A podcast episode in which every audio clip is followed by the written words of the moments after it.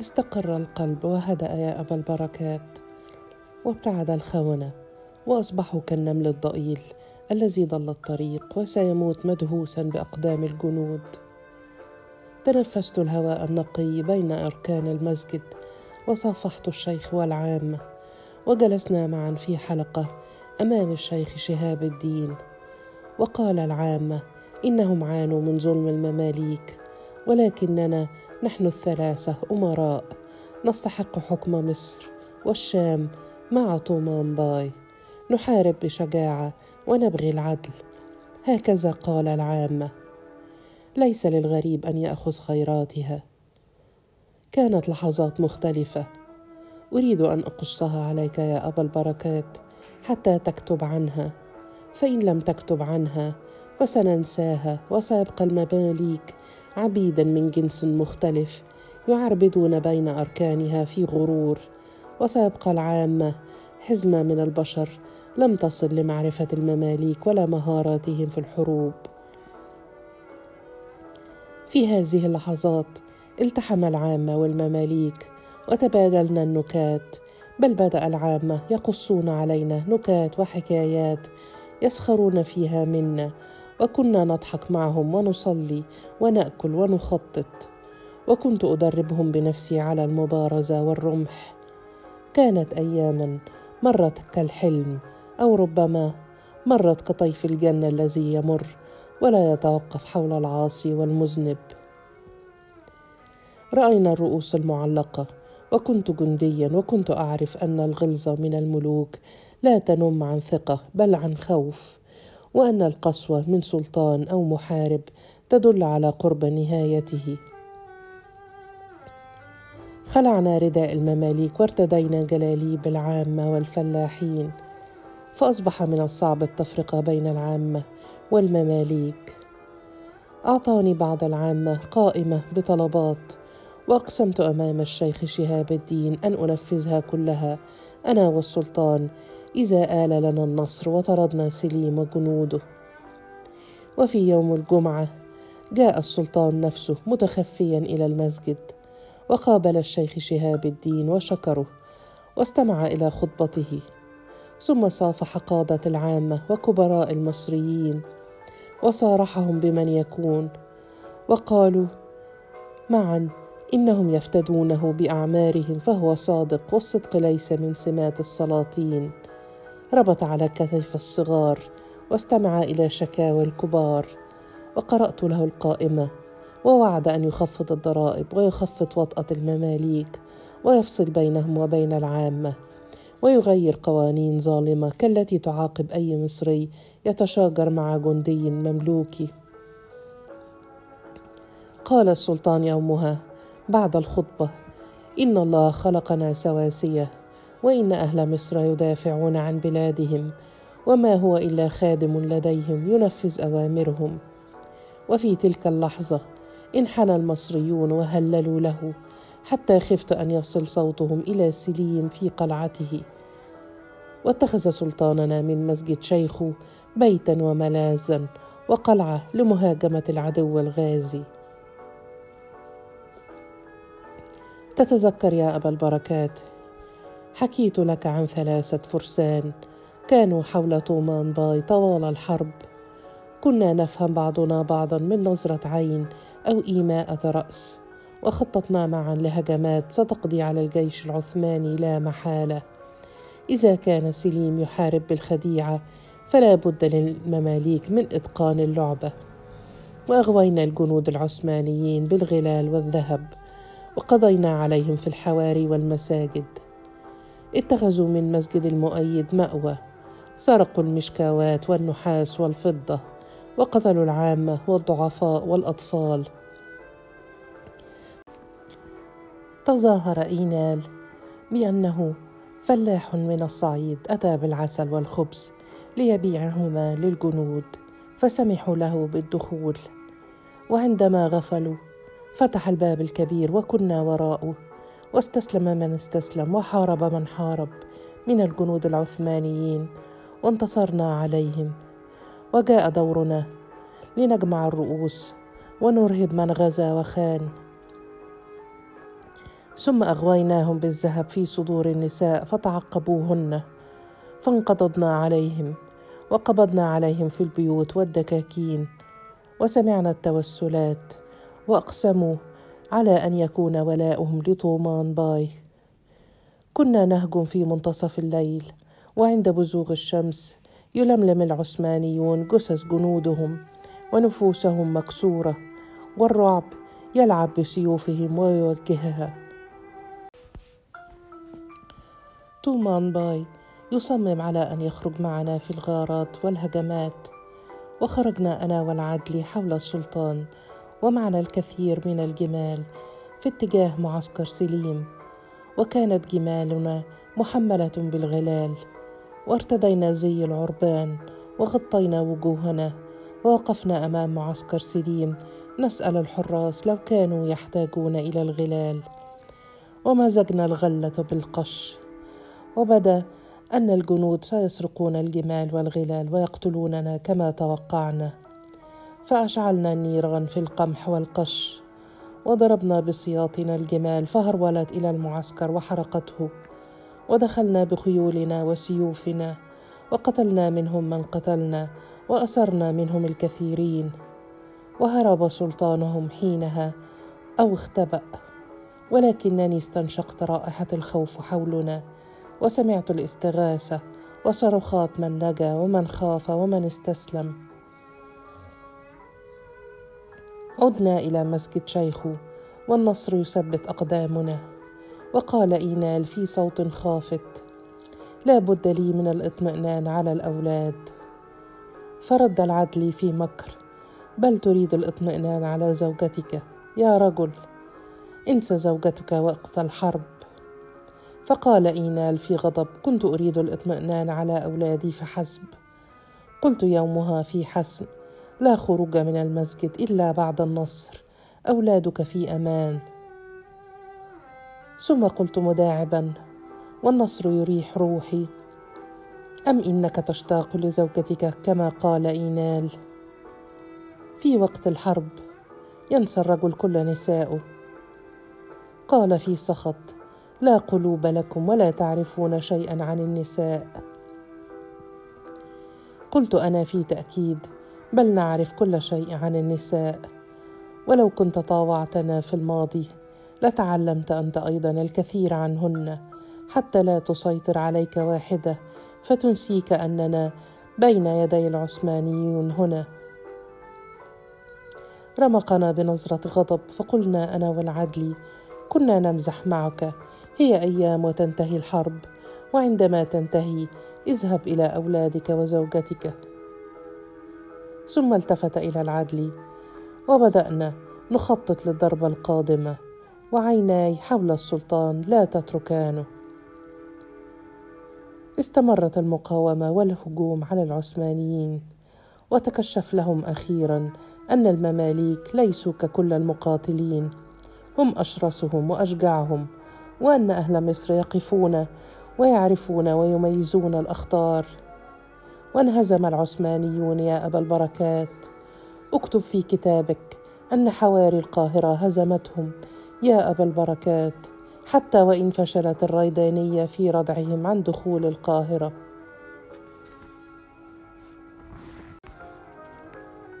تحسنت صحة السلطان ولكن الجنود كانوا في أسوأ حال بين مريض وجريح. بل بعضهم عاد بطعنات من النساء يا أبا البركات. هل تصدق أن نساء مصر خرجن بسكاكين الطبخ ليطعن بها الجنود؟ وعندما يجتمع على الجنود مئات النساء فلا أمل لهم في النجاة. حربهم أشرس الحروب وأكثرها إيلاما. تطعن الرجوله والشرف. ما يحتاجه أهل مصر يا أبا البركات هو التربية الحميدة. والنظام الصارم. فشل المماليك في تربيتهم وتعليمهم. مدارسهم كانت تعلم الفقه والحديث ولا تعلم الأخلاق. أي امرأة في بلادنا تجرؤ على رفع السلاح في وجه رجل؟ لا بأس. سأحكي لك ما حدث وأصدقك القول. وأرجو أن تكتب الحقيقة ولا تتبع هواك. فلو كنت مصريا لكتبت الحقيقة. ولو كنت تعد نفسك من أولاد الناس لكتبت الحقيقة حتى يتعظ الملوك والمصريون. عندما اشتد القتال وبدأ أن النصر حليف المماليك وأهل مصر كان لابد من حيلة أو حسم للمعركة. ففي القتال هلاك للمماليك وأهل مصر والعثمانيين. وما فعلناه؟ فعلناه لأننا أردنا إنقاذ المصريين وليس هلاكهم. لا بد للقائد أن يحسم المعارك أحيانا ولو تكلف هذا الكثير من الدماء. احسبها معي يا أبا البركات وأنت تعرف الحساب. فلو كان ما قمنا به بعد ذلك قد أدى لموت عشرة آلاف مصري أو أكثر أو نصف المماليك أو أقل. فهذا عدد ضئيل بالنسبة لمن كانوا سيموتون بعد نهاية حرب تستمر سنوات. لا بد من الحسم في الحقيقة. عدد من ماتوا من أهل مصر والمماليك كان كبيرا خمسون ألف ربما أو أكثر. لا أتذكر ولكن عدد من ماتوا من العثمانيين كان كبيرا أيضا نصف هذا العدد ربما. على كل حال أمر السلطان عندما استعاد عافيته أن تنتهي الحرب في ليلة. أمر بوضع المدافع الثقيلة والبنادق على أسطح جوامع المماليك والضرب بها دون توقف حتى تستسلم القاهرة. وقال إنه يريد الذهاب بنفسه إلى مسجد السلطان حسن وضرب المدفع من هناك بيده. وفعلنا وتوقفت الحرب واحترقت القاهرة.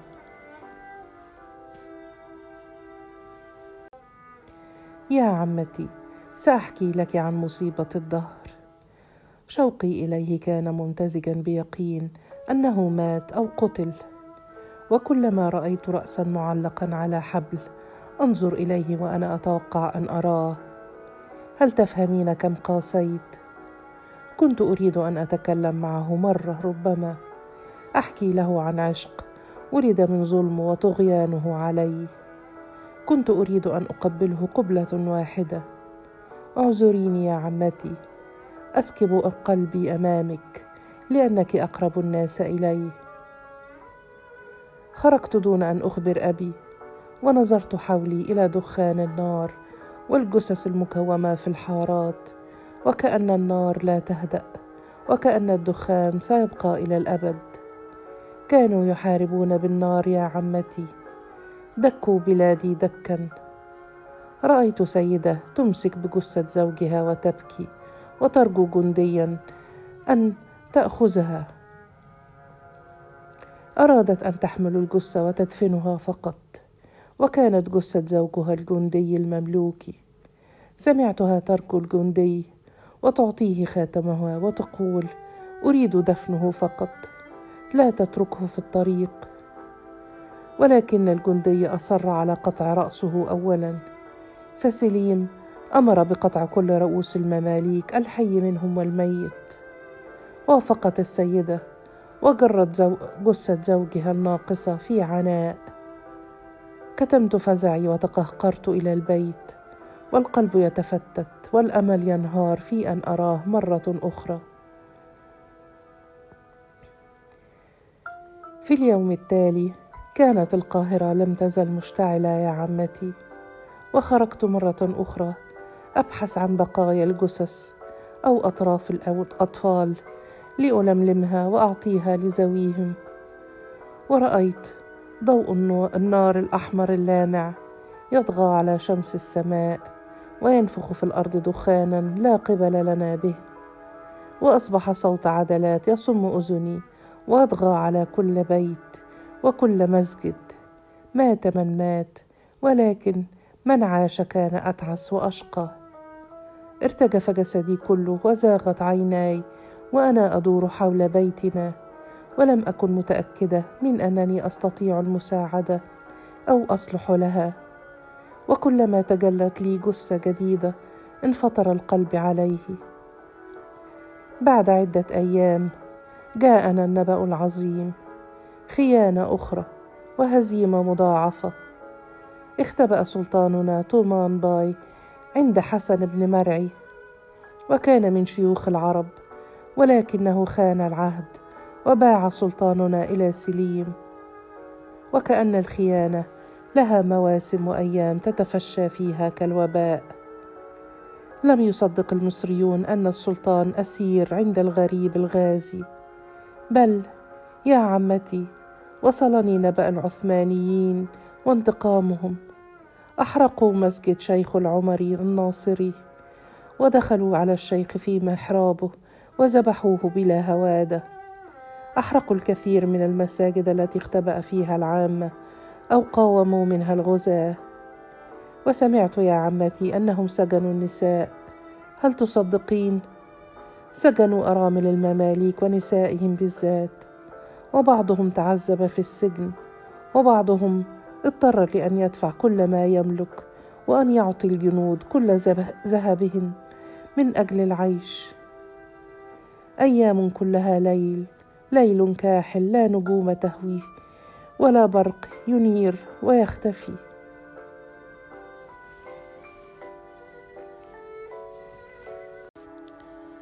النصر دوما للعادل القوي. والحرب خدعة وعتاد. لا تلم المنتصر وتعطف على المهزوم فقط لأنه هزم. فالمماليك ليسوا ملائكة قتالهم ليس من أجل دين ولا بلد بل من أجل مال وذهب. أما سلطانهم المسجون فجعلوا منه قديسا وشهيدا. لا أدري احبا في الشهداء والقديسين كما هي عادات الأقباط ام سذاجه وجهل. رأيت وشاهدت مقابلته مع سليم شاه وهذا ما حدث. أرويه لك بكل صدق. كان طومان باي مكبلا أمام السلطان. نظر إليه سليم ملك الملوك وخليفة المسلمين. ثم قال مخاطبا تومان باي طلبت منك الاستسلام مرة ومرتين ولكنك أردت إراقة الدماء. التقت أعينهما وقال تومان باي في ثبات أردت الدفاع عن بلادي. فقال السلطان من الحمق أن تحارب وأنت لست أهلا للحروب. فقال تومان باي بل كنت أهلا لها ولكنك استعملت النار سلاحا ونحن لا نحارب إلا بشرف الفرسان. قال سليم في تهكم لا شرف فرسان لدى المماليك يا رجل ولا شرف فرسان في الحروب. الحرب خدعة وعتاد وقوة. هكذا تعلمنا نحن وأنتم. ولو استسلمتم لي لكنت أعطيتك ولاية مصر. قال تومان باي هي لي حيا وميتا. وأنا حي كنت سلطانا ولم أكن واليا. وأنا ميت أكون شهيدا وأموت سلطانا وليس واليا. قال سليم لا فرق بيننا. أنت جئتها غريبا وأنا جئتها ملكا. قال طومان باي أنا جئتها وطنا وليس لي سواها وأنت جئتها لتأخذ خيراتها لوطنك. لسنا متساويين. قال سليم ترد على الكلمة بالكلمة وأنت لو ندمت لعفوت عنك. فقال طومان باي ويقولون سلطان المماليك انهزم وطلب الصفح من سليم لن أفعل. قال سليم سيقولون هذا فعلته أم لم تفعله؟ مصر في حال أفضل تحت حكمي. قال تومان باي كانت عز الإسلام وقلب العالم أتريد لها هذا يا ملك؟ أم تريده لبلادك؟ فقال سليم بل أريده لكل بلاد المسلمين. وكان دور طومان باي ليبتسم ثم قال أنا أشيد وابني وأنت جئت تهدم. وتسطو من منا يستحق حكمها؟ ما شيده المماليك سيبقى ليشهد على ما جرى وما لم يشيده العثمانيون وما سرقوه ومن قتلوهم سيكتب عن كل هذا العلماء. هي العمائر يا قائد ما تبقى وتشهد ليس أكثر. ردد سليم حينها العمائر ما تبقى. جرأتك تجعلني أفكر في طريقة مهينة لموتك حتى تتيقن أن العمائر لا تفيد وقت الحروب. فقال تومان باي كنت أوضح لك يا قائد أن المنتصر من يعمر الأرض؟ هكذا قال رب العباد. فقال سليم تبنون صروحا تخلد ملوككم ثم تظلمون وتبغون في الأرض. قال تومان باي في حسم لو اتفقنا في نظرتنا لمصر وللحكم لما كانت الحرب وما كانت العداوة ولكننا يستحيل أن نتفق. لكم حربكم ولي حربي. ظننت أن خليفة المسلمين سيقتله لحظتها وأقسم إنني رأيت الإعجاب في عيني سليم. وقال في حسم المحارب الحق يشم رائحة الشجاعة من على بعد ويقدر القتال بجسارة. لك إعجابي وتقديري هذا تستحقه كما تستحق الموت من أجل عنادك ومقاومتك. وأشار للحرس فأخرجوه بلا كلمة. انتهت الحرب والهزيمة كانت من نصيب المماليك. واضاءت رؤوس المماليك القاهرة كالمشكاوات.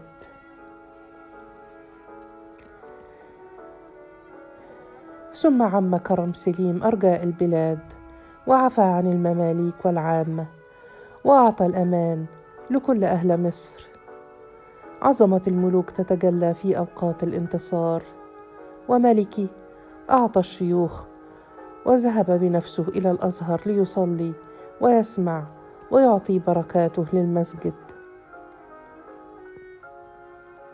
في بعض الأحيان كان يبدو لي أن أهل مصر من مماليك ويهود وأقباط وتجار أروام ومسلمين كلهم سواء بنفس الشكل والهيئة وعندما اختبأ المماليك بين الحقول وفي ديار الفلاحين لم يكن يمكن تمييزهم عن العامة. وبغير ملابسهم الزاهية لا فرق بينهم وبين أهل مصر. لذا لا تلن جيشنا لم يكن له اختيار. ضرب من يهاجمه ولم يفرز المماليك من العامة فلم يكن هذا ممكنا. تخفى المماليك في, زل في زي أهل مصر واحتموا بهم ولم يتركوا لنا سوى المدافع. أما السرقات فلن أتكلم عن هذا الأمر لأنه كذب وافتراء. كل الجيوش تحتاج إلى عتاد وخسارة الحروب لا بد من أن يدفع ثمنها المهزوم. سيدعي المماليك أننا سرقنا ذهبا وفضة وسرقنا الرخام والأخشاب وحتى أبواب المساجد وأننا حملنا كنوزا من مصر. لم نحمل سوى حقنا بعد حرب شرسة. ولم نترك مصر مدمرة بل تركناها في يد المماليك كما كانت من قبل. ولكن في تلك المرة تركنا عليها رقيبا متدينا يعرف كيف يجمح طمع, طمع المماليك.